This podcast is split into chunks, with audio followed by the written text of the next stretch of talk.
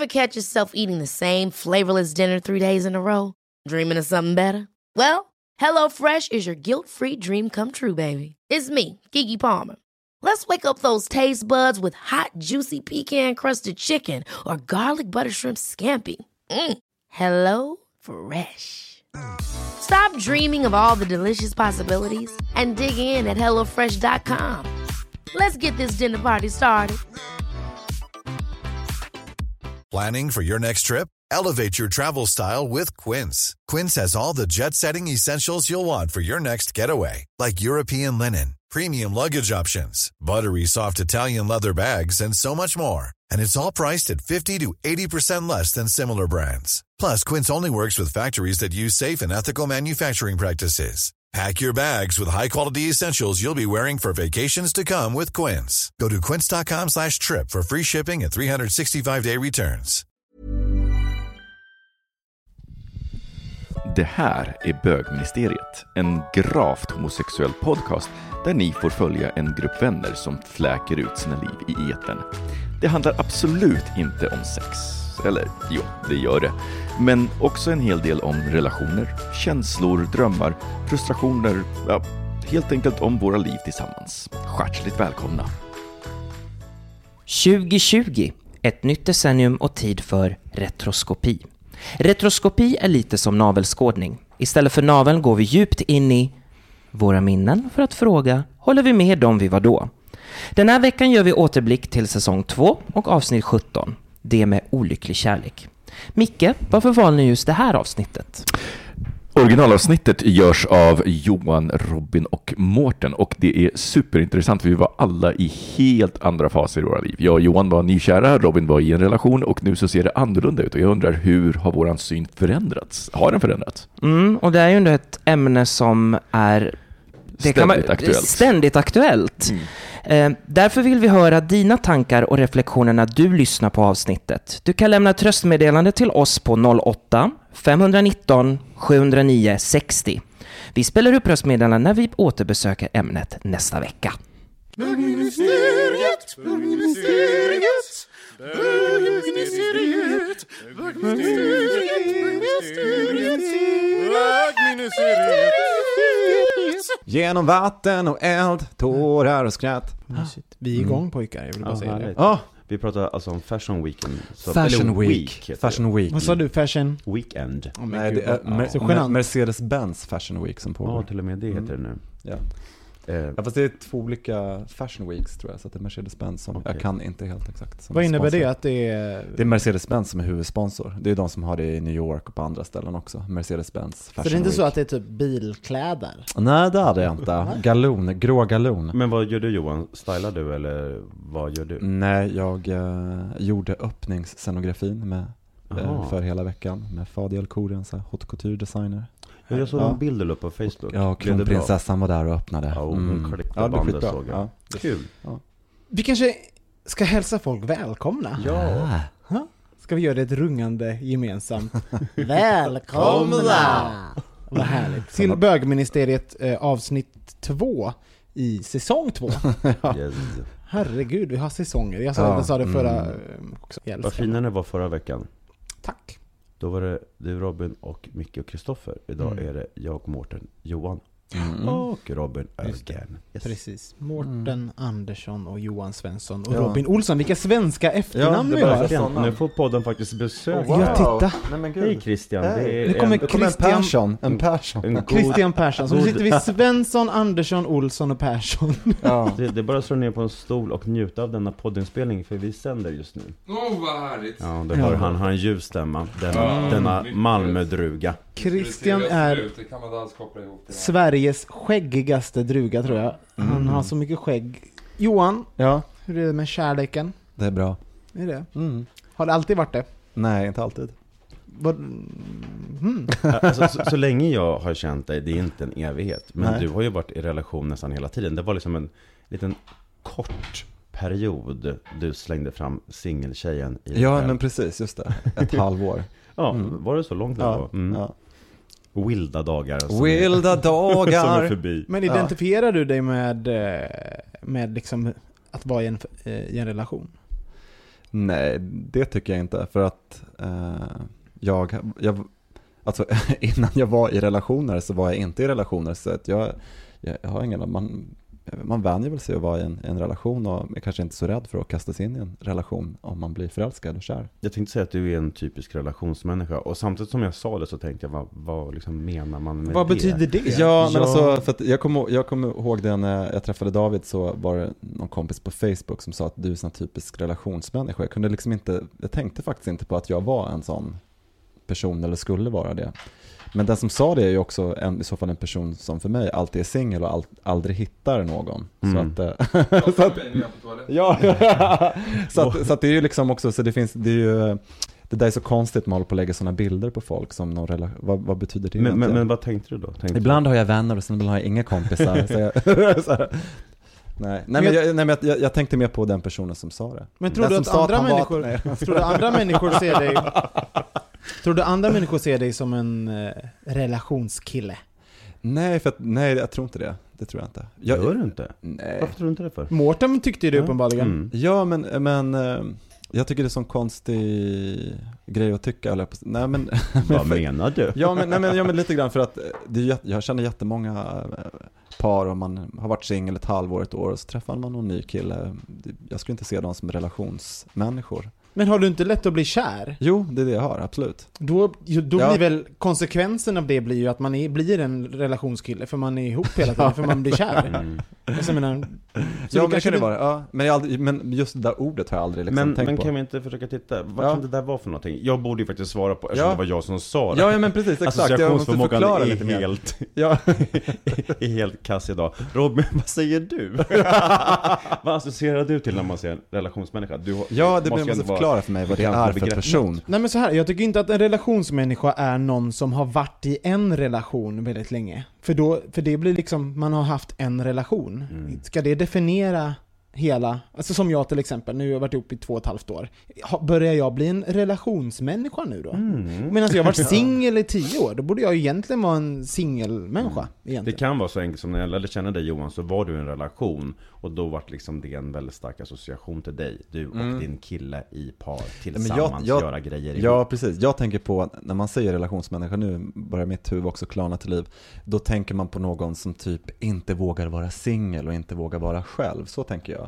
När man tänker Ja. på, ja Mm. lite så. Ja. och det, så mycket, ser inte jag på mig själv. Det är mycket så att man, det finns någon sanning att man ska ehm, vara själv. De flesta som jag känner som är singlar, de vill träffa någon och vara ihop med någon. Mm. Varför blir de inte det tror du? Eh, De som... det är otroligt individuellt tror jag. kan du, Har du inte något exempel? Jo, jag har exempel på de som är mest singlar som jag känner. De har väldigt mycket specifika önskemål vem de ska träffa. Det tycker jag är en gemensam nämnare som jag faktiskt, det enda Mm. som jag kommer på ganska starkt. Det, Men det måste ju vara att, att folk är rädda av någon slags, alltså jag var, jag var ju singel i tio år, och det är Mm. ju, var ju ren rädsla. Var det det? På ja, vilket sätt då? Nej men på, på massa sätt liksom. Att man Berätta var rädd. något sätt. Till exempel så tänkte jag att eh, Nej men jag var väldigt rädd att öppna mig själv, alltså öppna mig och mitt liv, visa Mm. vem jag var och sen framförallt att vara rädd att behöva ändra någonting med sig själv. Mm. Eh, Att helt plötsligt ska någon annan vara med och bestämma och tycka om vad jag gör, mina beslut och Mm. etik och moral och ja, men en massa sånt här. ja. Eh, Och, och med facit i hand då, tycker, du- stämde något av det där? Jag tror att det handlar om vem man träffar. Ja. Att det går inte... Och för, för dig då? För mig så eh, var det ju, då, jag väntade ju på rätt person kan man säga. Om Ja. man får vara lite söt sådär. Liksom. Mm. Så eh, när jag kände mig trygg så, så kom det. Och det tycker jag är helt rätt. Det är också, för det är ju också ett öppet sätt att vara. Mm. Eh, Men, men för mig också en, en relation, du kan ju bli Låt säga att du blir förälskad hela tiden och träffar någon ny gång på gång så kan det ju handla om att du också är modig och vågar kasta in i någonting och du Ja. kan avgöra att det blir fel också. Mm. Att eh, för relation är för mig någonting som, eh, som man skapar hela tiden tillsammans. Ja. Det är liksom inte två, person, två pusselbitar som ska liksom komma samman bara utan det är faktiskt en färskvara hela tiden. Där man skapar någonting För jag tillsammans. tänkte med att Ja. träffa någon som har varit singel väldigt länge då, som, som du har varit Robin. När jag träffade Kristoffer, då hade han aldrig haft en långvarig relation och jag hade en relation på åtta år i ryggen. Och då tyckte jag mig då var liksom så här, jag vet vad en relation kan innebära. Liksom. Och det var en Mm. slags rädsla också att möta honom. Tänkte så här, undrar vad han har för föreställningar om hur vår relation kommer se ut. Eller vilka typ av problem och, och möjligheter en relation har. Men visste du då? Visste du vad en relation innebar? Ha, Nej, det- hade du den erfarenheten som inte... Nej, alltså det, det, ja, jag hade ju den erfarenheten, det hade jag ju. Och jag, men det var ju den erfarenheten jag hade med den personen och den, den, den relationen jag gick in i, den mötte ju helt andra typer av, av öppningar och utmaningar. Men det där var ju någon slags föreställning och fördom. Sen visade det sig att Kristoffer var ju mycket klokare än, än, och är mycket klokare än vad jag är Ja, i och många avseenden. Så det ja där men är bara en faktiskt, jag tycker idé. också det där är en eh, väldigt viktig grej därför att det är nästan någon typ av rasism mot folk som är singlar ungefär som att ju längre de är singlar eh, så finns det någon slags tanke om att eh, ja då eh, du måste ha den här erfarenheten så träffar du någon som är eh, 40 och du själv är 35 och så, har det inte varit, så, så är du inte tillräckligt nog. Alltså det, fin, alltså det finns mycket sådana där... eh, Men vet du vad, jag kan säga, jag Det- som vart singel sådär jävla Ja. länge, kan säga att jo, jo vad fan, man, man, sa, alltså, man missar någonting. För det finns vissa saker som man har, sätt man växer på i en relation som är helt omöjligt att växa på Mm, eh, det själv. tror jag också faktiskt. Ja, ja men det tror jag också. Man blir speglad på ett helt annat sätt. Ja. Har man lust så, så är det ju värsta chansen till utveckling. Det känns som att vi har pratat om det här i någon podd tidigare, berört det här. Det Ja, kan vi ha gjort. ja. Men, Men på, det tror jag på verkligen. vilket sätt då? För, eh, Ja men vilket mina sätt tror du man- vänner... eh, Om du tar dig själv, Ja. om du, på vilket sätt tror du att du utvecklades när du fick din första långa relation? På vilket sätt påverkade det dig? Får jag fundera lite? Ja, jag kan säga... Får jag Ja, säga en sak, förlåt att jag bryter in? ja, Ja, visst. Christian. Nu är det Malmögästen här som, Ja, som envisas. säga, har man lust till en relation så kan det bli eh, att man utvecklas. För att man kan ha lust med en relation men man får ingen ändå. Men förstår du vad jag menar? Det, men det kanske var, var en formulering. Kom närmare, kom närmare Christian. Ta en stol. Eh, vi har bögministeriets faktiskt första gäst. Du är välkommen Christian, kom hit. Kom, han låg i sängen som man brukar göra. På rygg, det är som det som är vanligt. min roll i den här... Du får dela mick med mig, men du måste prata ganska nära för att annars... Sätt dig närmare, var inte, var inte blyg. Vad sa du? Kan du, Jag är svettig, det blev väldigt varmt idag helt oväntat. Men det är jag också. kan du beskriva, eller berätta igen vad det var du sa? Nej, jag menade bara på att eftersom du sa att Nej men har man bara lust så kan man faktiskt utvecklas rätt så mycket i en relation och det tycker jag är eh, felformulerat. Berätta hur För du skulle man- formulera det. Jag skulle formulera, har man chansen till en relation och tar den så kan man faktiskt utvecklas rätt så mycket i den. Mhm. För att man kan inte säga, har du lust till en relation? Jag har lust till en relation men jag har ingen. Nej. Nej, Det och jag, och jag menar som dig Christian, jag kanske formulerar mig slarvigt, eller på Mårten-sättet. Precis, men Ja. säg rätt Men Du- du, du jag vet men- att du är mer som en sidekick, så- jag vet att du kommer och korrigera mig om det är Menar, jag tog säger. du illa upp när jag sa så till exempel? Eh, att, att men finns sätt man bara kan utvecklas? Nej men det är, det är ju en självklart. Mm. Det tycker jag absolut är en självklarhet. Jag har haft förhållanden också. Då märkte jag saker som, som man utvecklades på som man absolut inte hade kunnat göra själv. Men Christian, kan Det- inte det- du berätta, för som jag, jag pratade gibberish så fort jag fick den frågan. Hur, på vilket sätt upplevde du att du utvecklades då i den eller de relationerna? Man blir, det, är någon sorts lyhördhet som man kanske inte har gentemot sina vänner som man måste ha med en partner. Som eh, man tvingas på något sätt att utveckla. Eh, på gott och ont kanske. Mm. Vad menar du för lyhördhet? Kan du ta ett konkret exempel? Nej.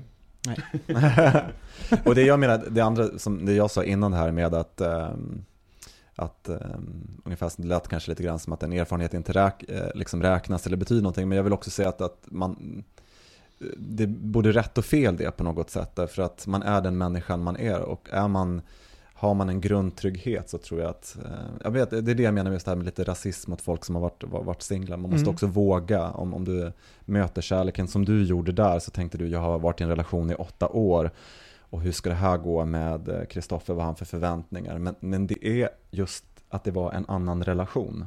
Och det är också viktigt att komma ihåg att relationen är den som man har med just den människan man också är tillsammans med. Men Det är också väldigt viktigt att det är tänka någon, på. en väldigt magisk grej tycker jag med, med relationer. Det är att, att ehm, det är en relation man aldrig har med någon, någon annan, om man inte har flera samtidigt.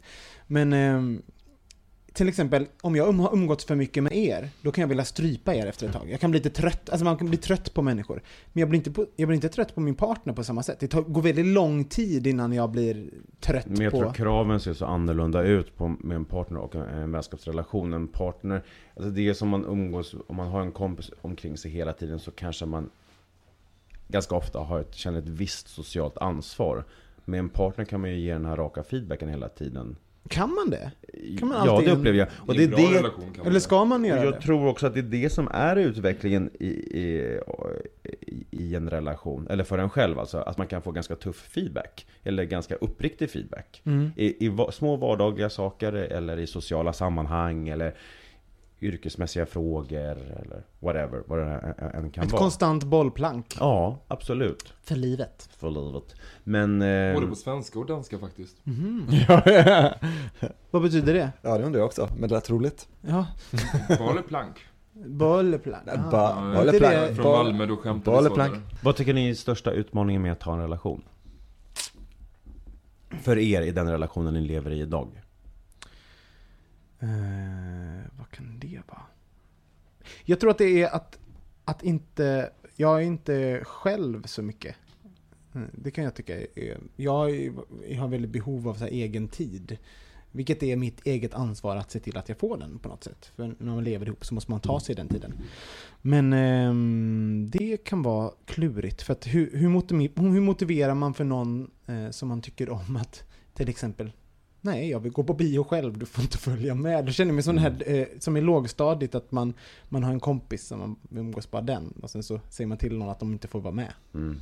Eh, fast typ bara med mig själv. Att jag vill umgås med mig själv. Jag tänker på det när jag och Kristoffer träffades så, så kom jag ihåg att jag sa någon gång precis i början så här, eh, Du, jag tror, med ett visst motstånd, så här, jag tror att jag skulle behöva liksom, vara själv ikväll. Ja.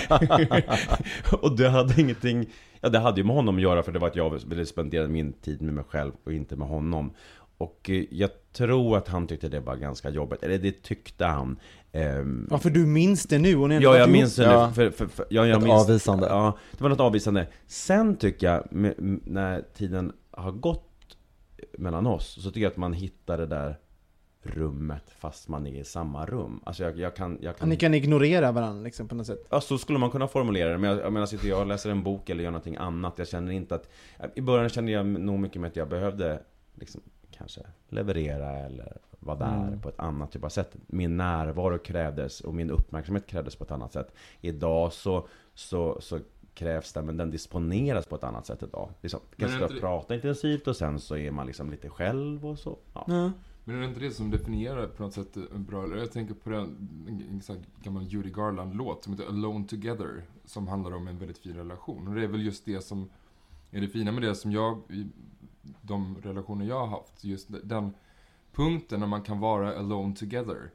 Det är det, som är definitionen av när det är lyckat. Att man, som du säger, en sitter och läser, en sitter och stickar, eller vad man nu gör nu för tiden. Men, men, men något sånt där och, och, och faktiskt känner av någon, men man är för sig själv. Mm. Men där säger du någonting, för jag tycker det är samma sak som det definierar en bra vänskapsrelation Ja, också. dessutom. Mm. Absolut, men vad är skillnaden på vänskapsrelation och en partnerrelation? Min teori är att alla... En typ- kuk i mun, Ja, skulle jag säga. fast det kan man ju ha med vänner också. Har ju hänt. Men, men kan. I Malmö kanske, här uppe i Stockholm gör vi I det. Malmö. här känner vi inte Only in Malmö. Nej, men nu är det så att Malmö är lite längre fram i utvecklingen eh, och eh, är närmare kontinenten. Ja. Men, nej men nu, avbröt du en väldigt bra tanke, så någon annan får prata.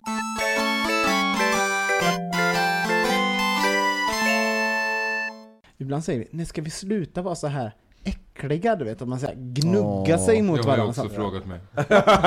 Ja men på riktigt Ja. liksom. Jag kan bli lite så här, någon gång så kommer vi Förhoppningsvis så kommer vi gnugga oss mot varann även när vi är 60 liksom. Men i början, men var är... Till exempel du, du och Kristoffer har ju varit ihop längre än vad jag och Ulf har varit. När slut... Eller har ni, ni kanske inte har slutat, ni, ni är ju väldigt kärleksfulla mot varandra. Men sen så, jag, jag kan komma på, och det kanske ni gör. Gnuggar ni er mot varandra och håller på, är så här skamlösa hemma och ligger på varandra och har er liksom. Inte en sexuell... Ligger på varandra och här, ja. Ja, då. Eh, ja. Eh, ligg... Jag Jag Är ni skamlösa ihop? Jag tror, men, men är det så här, i det offentliga, när vi hänger det här gänget som ofta ses väldigt mycket så uppfattar jag att Johan, du och David är liksom mer mest nära varandra hela tiden. Mm. Och jag tycker du och Ulf är det också Robin ganska mycket. Mm.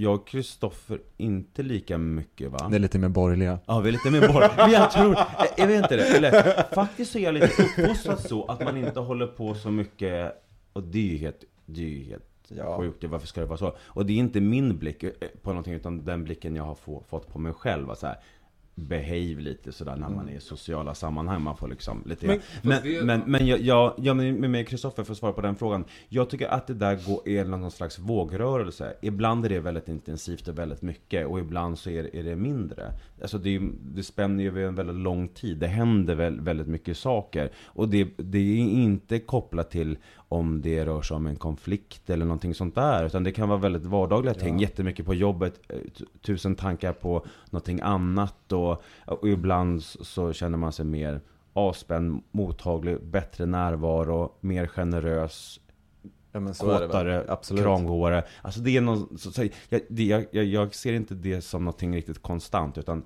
det, det rör på sig lite, Mm. skulle jag beskriva det som. Mm. Ville du säga något Christian? Ja, nej, men det just, just vad gäller att, eh, att man inte håller på och kladdar i offentliga rummet. Det är också någonting som jag har ifrån min uppväxt. Liksom. Det är väl rätt så borgerlig uppväxt på något sätt kanske. Men, och det har jag alltid liksom fattat. Men man sköter sitt privata för sig själv. Det är väl klart att man kan sitta nära varandra och hålla om varandra. Men man hånglar inte inför andra människor. Och det kan jag tycka att, nej, det gör man inte. Jag och måste det spelar ingen roll eh, vem som gör det, men jag tycker liksom att vissa saker, det är klart man pussas och har det trevligt, men du vet, det finns ju människor som verkligen inte på något sätt tar någon pardon om Nej. hur mycket man, man håller på. Och sen så beror det ju på sammanhang naturligtvis också. Om man är ett litet gäng och sådär, alltså herregud, men jag tror det är få som verkligen skulle lägga sig och grovhångla, men det ser man ibland och det kan jag tycka är ofostrat. Fast jag måste säga, jag ty- kan tycka att det finns någonting härligt i det här, i det här skamlösa. Till exempel så, jag minns i början när jag och Ulf blev ihop, då var det så här, då skulle han, då fick inte jag så här riktigt hålla om honom eller någonting, eller pussa honom på krogen, man blir så fjantigt liksom. Och då kommer man att känna så här, men vad fan, jag vill, när jag är ute på krogen när jag var singel, då kanske jag hittar någon att hångla med liksom så här. Men du är min kille, det är fan din uppgift att hångla med mig på krogen. Vem annars ska göra det? Till exempel. Och sen så förstår jag att man inte kan göra det överallt, men jag gillar det... Men inte på julaftonsmiddagen. liksom. Nej, men jag, men jag, jag kan gilla det offentliga eh, ömhets... Alltså, mer än bara en puss. Utan hålla om varann och liksom, mm, typ, alltså, det behöver inte vara hela tiden, men ibland liksom. Jag, kan ty- jag tycker det är okej. Man är kär, det är kärlek, vad fan, kör. Tycker jag. Kan bero på att jag är bitter singel också. Ja, det kan vara bero på det. Det var det jag ville komma till. Men hur, hur ser det ut med olycklig kärlek och så? Har ni, eh, för ni båda, alla, alla, alla tre har ju varit i relationer och varit ur relationer Nu är och... vi alla fyra här. Ja, ja, men jag pratar med alla er tre. Jaha. Mm. Tack Eh, Mårten. vad, ehm, har, har ni varit olyckligt kär någon gång? Ja. Berätta Christian. Nej, men jag har varit olycklig kär på många olika sätt. Dels den här som jag tror väldigt många bögar har erfarenhet av killen i parallellklassen på högstadiet innan man var riktigt utkommen. Som Ja. man tyckte var skitsnygg och som hade lila hår och spelade gitarr och var skitcool. Lila hår? Ja, det var färgat. Han var lite grungig och sådär. ja, ja.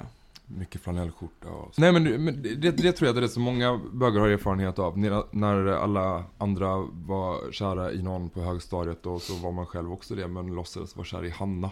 Mm. Och gick på bio med henne. ja bara det. för att man skulle göra det. Och så flydde man efter halva filmen. Och Har du haft "Nej, något sånt riktigt buskål." dramatiskt då? Ja men sen så, det var ju liksom det första, så- men sen så har jag ju varit olyckligt kär i ett ex till exempel. Mm. Och det är ju en rätt så komplicerad situation. Det är en jobbig, jobbig situation. Det är en väldigt eh, jobbig situation när, man, när det har skitit sig och sen så, så finns det ändå någonting kvar som sen har utvecklat sig inom sig för att man tror att det var så bra som det var och då blir man jätte, jättekär i kanske mer i situationen än vad det var i personen. Hur hanterade du möten med honom när du, när du träffade honom? Efter eh, slut. Ja.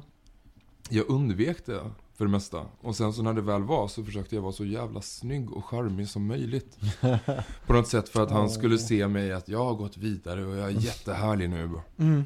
Ehm, och, ehm, men ändå alltid med en liten blick åt hållet ifall, ifall det funkar. Och kanske man skulle få en chans till sådär. Mm. Ehm, och det, det har varit, alltså, så här, det, jag kan fortfarande få lite sting när jag tänker på det och när jag och när jag stötte på honom och sådär. Vet han Kan om du- att du var eh, Ja, olyckligt kär? Absolut. Jag det har jag kommer, berättat. jag kommer att tänka på eh, när jag var tonåring och eh, undrar om det var Torsten Flink eller det var någon annan som satte upp en pjäs på, om det var på Dalagatan, Spindelkvinnans kyss. Oh, Mm. Eh, exakt, den. ja.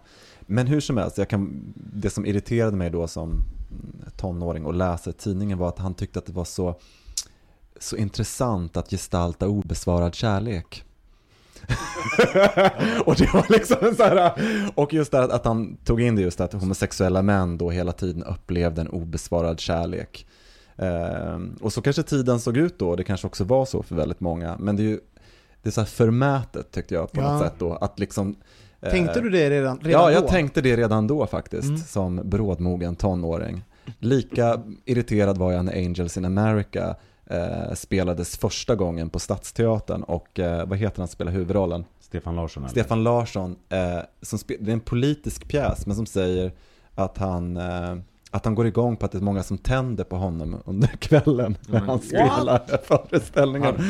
Men just, just den där grejen med, med obesvarad kärlek, att det finns också, det, det är någonting att, att olycklig kärlek är ju obesvarad kärlek. Men jag tyckte att det var så, ehm, att just den här heterosexuella mannen som ehm, säger att och det är min lott på något sätt. Och, Mm. och där sitter jag och trånar efter honom, säger den andra berömda skådespelaren. Eh, båda under samma, samma tid.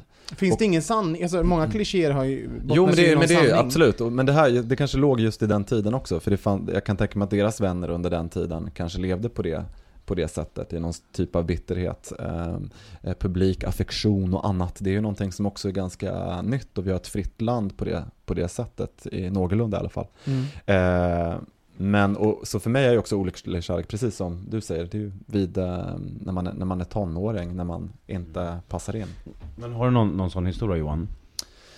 Ja, alltså eh, jag pratade med Robin idag när vi var fika så frågade han mig om det och eh, grejen är så att jag kan säga nu att, att, att jag hade en olycklig kärlek men då upplevde jag inte på det på det sättet därför att jag tillstod mig inte ens att liksom bli kär. Jag var liksom så eh, återhållen. Precis, jag förstår precis. Ja. Precis det tänkte jag när du Ja. pratade Christian Mm. också tidigare. Mm. Så att jag tillät mig inte heller det liksom nederlaget. Så att jag var inte den som du vet, eh, det är inte som en så här tonårsfilm som handlar om en tjej som går hem och skriver på datorn och du vet lever ut alla de här grejerna. Utan det var en ganska eh, liksom tillbakadra, ja, Förtryckt eh, det kanske var ett litet ja. poem i mitt huvud som dök upp. Eller ja men du vet åt det hållet. Så att jag kan ju rabbla upp, jag har ju flera stycken som jag var i så fall olyckligt eh, kär i. Så att det hade ju flera. speciellt Rabbla upp dem nu. under, gymnasiet, under gymnasiet och sådär. Eh, Även, och, och det var ju också, vissa hade jag ju faktiskt en väldigt nära relation till. Men vad är olycklig kärlek då? If you're looking for plump lips that last, you need to know about Juvederm lip fillers. With Juvederm Volbella XC and Juvederm Ultra XC, your lip look, whether it's subtle or bold, can last up to one full year with optimal treatment and no additional maintenance. Find a licensed specialist and see if it's right for you at juvederm.com today. That's J U V E D E R M.com. Add fullness to lips in adults over 21 with Juvederm Volbella XC or Juvederm Ultra XC. Do not use if you have severe allergies or a history of severe allergic reactions, or if you're allergic to lidocaine or the proteins used in Juvederm. Tell your doctor if you have a history of scarring or taking medicines that decrease the body's immune response or that can prolong bleeding. Common side effects include injection site redness, swelling, pain, tenderness, firmness, lumps, bumps, bruising, discoloration, or itching. As with all fillers, there's a rare risk of unintentional injection into a blood vessel, which can cause vision abnormalities, blindness, stroke, temporary scabs, or scarring. For full important safety information, visit juvederm.com. One size fits all seemed like a good idea for clothes Nice dress. Uh, it's a it's a t-shirt. until you tried it on. Same goes for your healthcare. That's why United Healthcare offers a variety of flexible, budget friendly coverage for medical, vision, dental, and more. So, whether you're between jobs, coming off a parent's plan, or even missed open enrollment, you can find the plan that fits you best. Find out more about United Healthcare coverage at uh1.com. That's uh1.com. Hey, it's Ryan Reynolds, and I'm here with Keith, co star of my upcoming film, If, only in theaters, May 17th. Do you want to tell people the big news? All right, I'll do it. Sign up now and you'll get unlimited for $15 a month in six months of Paramount Plus Essential Plan on us. Mintmobile.com slash switch. Upfront payment of $45 equivalent to $15 per month. Unlimited over 40 gigabytes per month. Face lower speeds. Videos at 480p. Active Mint customers by 531.24 get six months of Paramount Plus Essential Plan. Auto renews after six months. Offer ends May 31st, 2024. Separate Paramount Plus registration required. Terms and conditions apply if rated PG. Ja men olycklig kärlek är väl att den inte är besvarad? Obesvarad. Att den är obesvarad. Det är väl en olycklig kärlek. Eller så är det också en, en kärlek som är olycklig för att den är väldigt destruktiv. Den kan vara besvarad men i själva kärleken, det är en olycklig... Det blir olyckligt av att man är kär. Ja, just det. Och då kan det ju naturligtvis vara att den är obesvarad, men också av att... Den är dysfunktionell. Blir, ja, dysfunktionell och jättedestruktiv. Ja. Och det kan ju också vara en olycklig kärlek, fast det kanske mer blir att... Ja, det är ju en olycklig Men val det, ja, och det är ju också lite det här, vi pratar om skillnaden mellan vänskap och eh, kärleksrelation. Därför att det är ju helt andra typer av saker som sätts igång inom oss. Som handlar om våra första relationer och hur eh, liksom, vi vill bli ett och vi vill bli älskade. Och eh, där kan det ju bli olyckligt därför att man kan ha goda intentioner men eh, någon annan kan utnyttja det förtroendet som de får. Mm. Och då blir det olyckligt. Men jag kom på vad jag tänkte på innan, just när vi pratade om det, när Robin så oförskämt avbröt mig. Just att jag, jag har alltid tänkt att alla typer av relationer, vare sig det är vänskapsrelationer eller eh, kärleks... Eller ja, det är också en kärleksrelation, men eller sexuella relationer eller ett par relationer. Allting grundar ju sig på någon form av attraktion från början. Och det spelar ingen roll vilken sexualitet man eh, anser sig tillhöra, utan det tror jag är bara rent allmängiltigt. Med mina tjejkompisar har jag varit kär i, kan man säga, fast på ett platoniskt plan. Det är ju ett kärleksförhållande där också. Kan man ha olyckliga vänskapskärleks... Förstår ni vad jag menar? Ja, men, men det jag tror det blir svårare eftersom att då måste man på något sätt vara vän med någon som inte riktigt är vän med en. Alltså, ja, men jag har varit med om en sån sak, att det var en som så otroligt gärna ville bli min kompis. En tjej som, hon kanske Ja. var förälskad på ett annat sätt också, men det var verkligen som kämpade för att bli min polare. Ja. Och det var, det, det funkade liksom aldrig. Vi hängde några gånger och sådär, men det var aldrig någonting som verkligen, det funkade inte att vi skulle vara polare riktigt. Och det, det blev på något sätt som en olycklig kärleksgrej. Mm. Och det fungerar ju exakt på samma sätt som när man är olyckligt Det är det jag Man, menar. man, man försöker mer, det är ingenting man kan tvinga Men det är, fram. som, det är när man träffar någon som man känner att det här är en attraktion som handlar om vänskap och det här är en attraktion som handlar om något sexuellt. Mm. Men det som jag tänker på idag, nu är det ju lite olika för yngre killar och tjejer eh, och det är ju att det som jag kommer ihåg, eh, det är sådana här olyckliga kärleken och, kanske mest var väl det under gymnasiet, ska jag väl säga, under gymnasietiden. Det är ju att det finns två olika saker som står på spel. Du kan ju vara modig och berätta för din eh, eh, killkompis att du är kär i honom eller den här killen du är kär i. Men i och med att eh, du inte är tjej så är det ju fler saker som står på spel. Du avslöjar, du är liksom dubbelt sårbar. Och det är ju Mm. en väldigt, eh, det är ju väldigt pressande.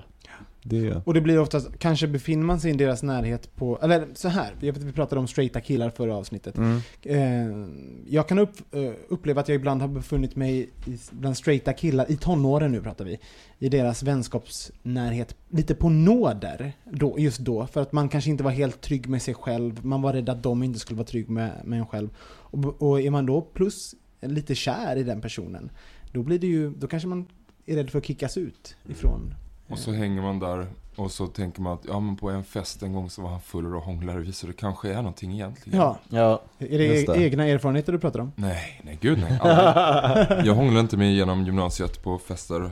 När det var trendigt att vara bisexuell så var jag ju alibit för alla. Så det var ju Ja, jätte... Mm. Trevligt om det hade varit så, det var absolut inte så. Jag skulle aldrig utnyttja något sånt, hejdå. Men du Robin, du som var singel i tio år innan du träffade Ulf. Mm. Eh, hände det någon, någon gång under den tiden att du träffade någon kille? För du sa att eh, jag inväntade kanske rätt person sa du tidigare. Men fanns det någon person som, som du trillade på under den där tiden som, ah, ah, den här killen? jag var så rädd faktiskt när jag var, när jag var singel att jag, varje gång jag träffade någon som jag kände så här Shit, den här personen, det, det är någonting som bränner till i mig. Då tog jag avstånd. Så att jag, jag antingen betedde jag mig som ett svin, så att, jag, så att den personen inte skulle vilja vara, som, eh, vara med mig. Eller så eh, distanserade jag mig av någon anledning. Eh, Jag har till och med flyttat liksom. Mm.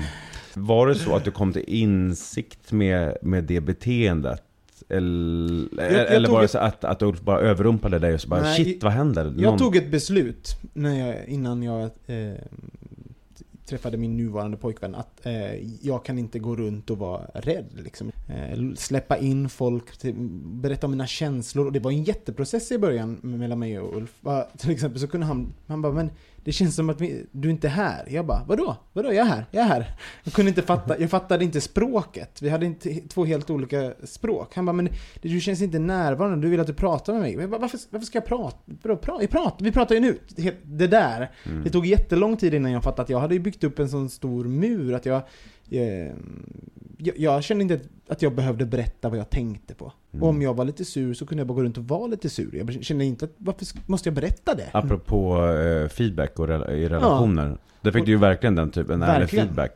Och det var ju jättenyttigt. Men jag var nog inte all, jag tror inte jag var riktigt olyckligt kär. Jag minns att jag var olyckligt kär eh, i typ första bögen man träffade så här. Vi hade hört talas om en bög i gymnasiet. Sen blev jag, eh, var, träffade jag en massa andra bögar i gymnasiet och blev ihop och sånt. Men, men ehm, och han heter Rompa.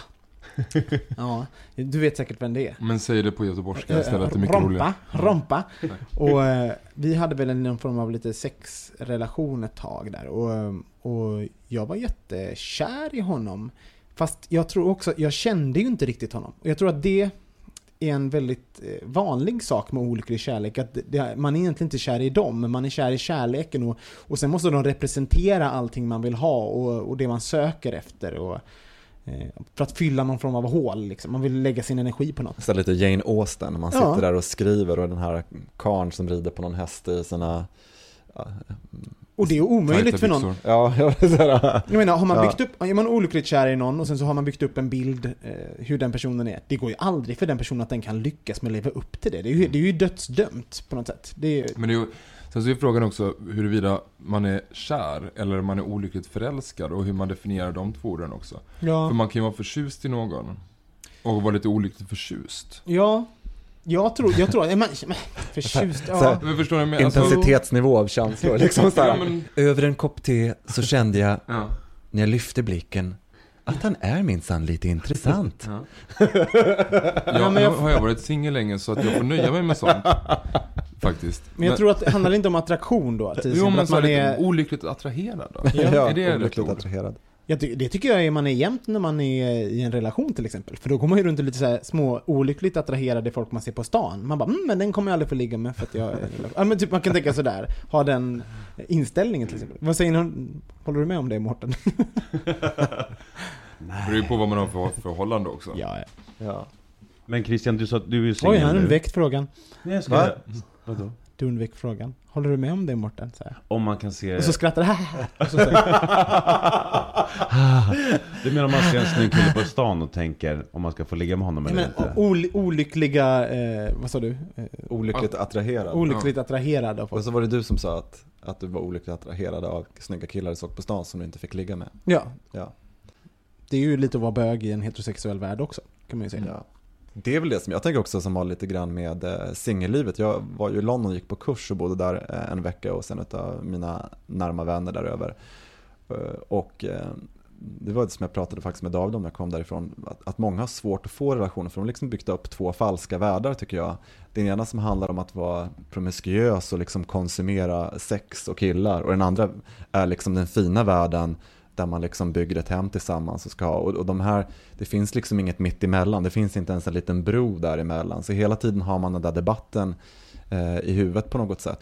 Eh, så många, det finns ju det som bygger upp den, det sättet att leva och eh, sen får svårt att skaffa en relation och känner sig, ja, blir någon slags konsumenter i livet. Det tror jag definitivt var min, min, eh, det jag gjorde, så att säga. Och en del av det, utöver det här vill jag Ja, men det är lite prata som att vara sockerberoende. Hur smakar någonting när det Mm. inte är sött? Hur kan en dessert smaka om det är yoghurt med lite honung på? Jag känner inte smaken. Liksom. Jag går ju på detox. Jag går ju på detox det. nu. Så att jag kommer ju få veta det om en månad. Ja, precis, exakt. Det pågår alltså en, en detox hos några i bögministeriet just nu. Ja. Jag är inte med på det. Eh, Det kommer Så- säkert bli ett ämne som kommer hamna, handla om detox. Herregud, Ja, gud vad tråkigt. alltså. Så tråkigt. Ja, men du har hållit på en dag. Och ni håller på att avlida redan. Alltså, dag. Christian kom, kom till oss igår och, och, och jag och Ulf pratade, vi, vi, vi klagade som ändå för att äta någonting, vi är så hungriga. Äh, Han bara, men gud hur länge har ni hållit på? Sen i morse. Men Robin, du verkar ju superpepp annars. Ja, alltså verkligen. Det, det blir toppen. Hur går det för Ulf? Eh, Ulf är nog mer desperat. Vadå? Han upptäcker någonting nytt hela tiden som han inte får äta och så blir, han så här, blir det som en, ett hugg i hjärtat på honom. Han är som ett barn som blir fråntagen någon lek. Inte kaffe! så får jag ett sms ibland. Får äta frukt? Får man får äta sånt. Men det gör jag ju till Kristoffer också. Ja, Vad ja. får jag lov att äta? Skit i det. Jag undrar varför blir man... ehm, varför väljer man ut just dem som man blir olyckligt kär i? Varför, blir varför väljer man just dem? Finns det någon anledning varför man blir olyckligt kär? Så att säga? Kanske för att man inte är beredd att gå in i en relation. Det skulle kunna vara så att man väljer de där omöjliga projekten. Så här, varför väljer jag den som vill springa härifrån hela tiden? Varför, varför väljer jag liksom rollen att jaga? Mm. Det kan ju vara intressant om man känner, ja, och känner man igen sig i det, då kan man ju så här, ta en liten titt på sig själv sådär. Om jag upprepar det gång på gång, vad handlar det om? Ja, är det någonting som jag väjer för?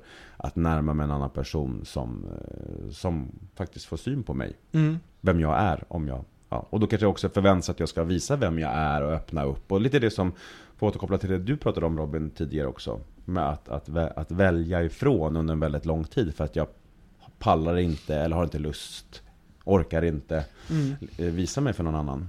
Hur har det varit för dig, dig Christian? Ja men det är som, precis som du säger Mårten, att det är väldigt praktiskt att välja ut, eller välja och välja, men att falla i kärlek med någon som är ouppnåelig. För då vet man ju redan från början att ja, det här kommer ju ändå skita sig.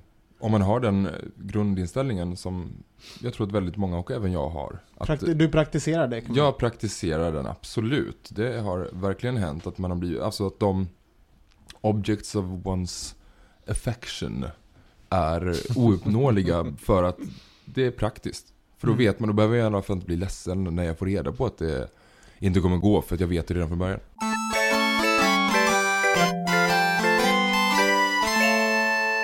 Varför tror du inte du varit kär på tio år? Vad är din analys? Oh, min analys vet jag inte, men min psykologs analys kan Mm. jag berätta. Nej men jag, jag tror att, det, för min del så handlar det väldigt mycket om att jag har blivit en rätt så sluten person som inte riktigt vågar öppna upp mig. När någon börjar komma lite för nära så skärmar jag av totalt. Det har hänt att jag hade liksom, ja, men dejtat någon lite då och då, men så fort den har visat att den kanske är intresserad av mig, så jag har blivit sådär, men vad är det för idiot? Mm. Hittar vad, ge, vad, ger han, vad ger han sig in på? Varför blir han kär i mig? Han måste ju vara världens sämsta smak. Och så distanserar man sig, eller så beter man sig lite illa och, och ser till att den inte tycker om en längre. Mm. För något straffberoende, jag, jag har ju liksom, en jag har en extrem rädsla för att bli övergiven. Mm. Och ifall man inte är tillsammans med någon så kan man ju inte bli övergiven. Därför är det rätt så lätt att skydda sig från det genom att inte vara tillsammans med någon eller dela, dela ut sig, vad heter det? Ja, Ja, dela med dela sig. med sig av sig själv till någon, att ge någon de redskapen som gör att man kan bli lämnad. Men jag tror att det är Men det är extremt många som Alltså det både du och jag beskriver liksom att jag tror det är väldigt, väldigt vanligt att man, att man gör sådär. Och som bög också, att man, man kommer in, så här är en bög, när man går ut, ut och festar, knulla, sex är jättetillgängligt. Mm. Eh, Jag vill vara singel ett tag, bla bla bla bla. Det växer och, och ja, jag, jag vet jättemånga i min Och umgängeskrets. sen så är problemet att jag, jag har verkligen inte blivit kär. Jag har blivit, jag har blivit lite förtjust, om vi nu ska använda Jane Austens språk liksom. Så, så har jag blivit förtjust i folk och sådär. Men jag har verkligen inte blivit sådär himla stormande kär. Och det tror jag för att jag blev det i mitt ex när vi träffades. Och då jämför jag allting med det. Att det ska Mm. vara så som det var då. För det är den enda det är liksom den största kärlek jag har haft. Jag har haft andra förhållanden men det är verkligen den som jag har kunnat nästan ta på att ja men det är så här att vara kär. Mm. Och det är ju inte likadant i alla förhållanden. Nej. Kärleken känns ju olika med olika personer, så är det ju bara. Men finns det några fördelar att vara olyckligt kär i någon? You create good art, become a good artist. Mm. Ja, men jag tror alla typer av starka känslor, uppbrott, kris eller något liknande kan ju mynna ut i en väldigt stark närvaro, liksom livsnärvaro. Ja, och den känslan är ju oerhört eh, stimulerande. Så det kan ju, det kan ju infinna sig någon väldigt komplex känsla. det här. Det gör så himla ont men jag lever. Ja. Eller någonting sånt. Och, Kom eh, ihåg Lena PH där på, på schlagerfestivalen. Just det. Ja, att hon- evig. Ja. Det var för att hon hade ett... eh, Eller det är Alla- ont. alla- ställ i muttan. Hade ofta, Alla kvinnor runt 35 på stadshotellen ute i, i, i hela Sverige liksom. Åh, det gör så ont. Det gör så ont. Lars Fredrik, det är så ont. Ja. Glöm inte bögarna alltså. Ja. Precis. Jo, en sista sak. Jag tror att eh, någonting som är bra med att vara, vara, å, att vara olyckligt kär, det är att det man, den här besattheten, det kan liknas med, du vet när man var tonåring och livet när- de här förhöjda känslorna, man satt och skvallrade liksom. Fast man gör det med sig själv. Man får en väldigt nära relation med sig själv. Man, så här, man blir besatt. Jag älskar ju att vara besatt. Det är här, kan vara serier, böcker, eh, skådespelare eller vad som helst. Den här besattheten kan jag tycka är lite härlig med olycklig kärlek på något sätt. Att titta, alltid spännande. Och det här att man vet inte hur det ska gå. Det är som en film med öppet slut på något sätt. Men det tror jag är en sak som du säger nu när du är lyckligt kär också. Att du Ja, jag minns tänker- det som att det är härligt. Men jag tänker också det Det som... kan ju vara skitjobbigt. Ja. Ja men det är klart Eller, det om är man säger, jobbigt. eller nykär eller vad man ska säga. Det är klart det är jobbigt. Man, vå- man, det är så mycket risker i olycklig kärlek tror jag också. Att om man, eh, Om man vå- går- skulle våga gå ut med det så kan man också förlora allting. Det är det som är en av de Mm. farliga. Det är det jag menar, som jag tänker också. Mm. Jag undrar hur många, hur många relationer som hade börjat ifall alla hade varit här. Man, man alltid är liksom jätterak med sin olyckliga kärlek. Då tror jag fler hade fått liksom hugga. Ja, eller som min kompis Nanny sa till mig, men berätta för honom att du är kär i honom. Det skulle, och jag gjorde inte det, så kände jag så här, men gud vad, att jag inte var så modig. Nej, men två år senare så gick han med en bebis här på Söder. Nej, så att jag hade inte vunnit ett skit på det. Eller Bara är han för- lycklig nu då? Ja, bara förnedring. Vi slutar med det tycker jag, förnedring. Mårten du drar sig i sitt hår, det är ett tecken på att vi borde avsluta bögministeriet. Johan ska till Fashion Week, det är inte slut Det är än. Mårten är så duktig att ta ansvar. Liksom. Jag har inte ens... eh, Känner vi igen ett mönster i detta? Ja, ja, precis, exakt. Jag liksom så här känner att jag... Och jag som heter detox jag ska dricka öl. Herregud. Och jag ska dricka någon form av lösning av kanel. Formalin, formalin. Ja, jag vet inte, det är fruktansvärt. Vi ska tacka dig Christian så mycket som, som dök upp här i lilla in. lägenhetsstudion och bidrog med dina erfarenheter, tankar Vi och hoppas det känslor. kommer gå bra Kul. för dig i framtiden. Ja. Att du En applåd. En applåd! Tack. Jag menar på Hoppas du riktigt. hittar kärleken. Verkligen. Men de... Älskar den här ironibög-rösten. Kul! Jag hoppas det går bra. Lycka till gumman! Med de orden avslutar vi veckans bögministerium. Mitt namn är Robin Olsson och jag sitter här med... Mårten Andersson. Ja, och Christian Persson. Johan Svensson, du kallar honom för Christer, kommer du ihåg det? vad var det någon, Va? När du ställde en fråga förut, var det så här freudianskt? Du bara, vad säger du Christer? Christer. Ja. Det är min olyckliga kärlek. Ingen fara Roland. Vi avslutar med det. Puss och kram, hej hej! Ja, och själv är man då kär, eller inte. Men missa inte nästa veckas avsnitt där vi kommer diskutera hur vår syn på kärlek, lycklig eller olycklig, har förändrats sedan avsnittet sändes. Och till det vill vi ha din hjälp. Och din röst. Ring bögministeriets röstbrevlåda på 08 519 709 60 och lämna ett meddelande. Eller spela in en ljudfil med dina tankar och reflektioner och skicka till oss. Är du lite hemlig kan du också skicka ett vanligt mejl. Adressen är hej.bogministeriet.se eller så använder du formuläret på bogministeriet.se. Puss! Bögministeriet, bögministeriet, bögministeriet, bögministeriet, bögministeriet.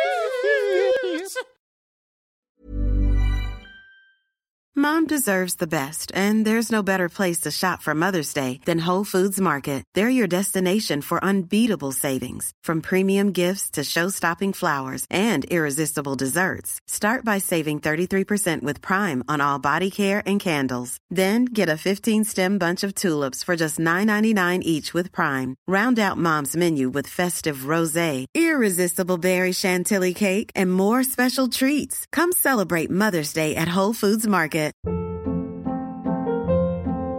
Hold up. What was that? Boring. No flavor. That was as bad as those leftovers you ate all week. Kiki Palmer here, and it's time to say hello to something fresh and guilt-free. Hello Fresh. Jazz up dinner with pecan-crusted chicken or garlic butter shrimp scampi. Now that's music to my mouth. Hello Fresh. Let's get this dinner party started. Discover all the delicious possibilities at hellofresh.com.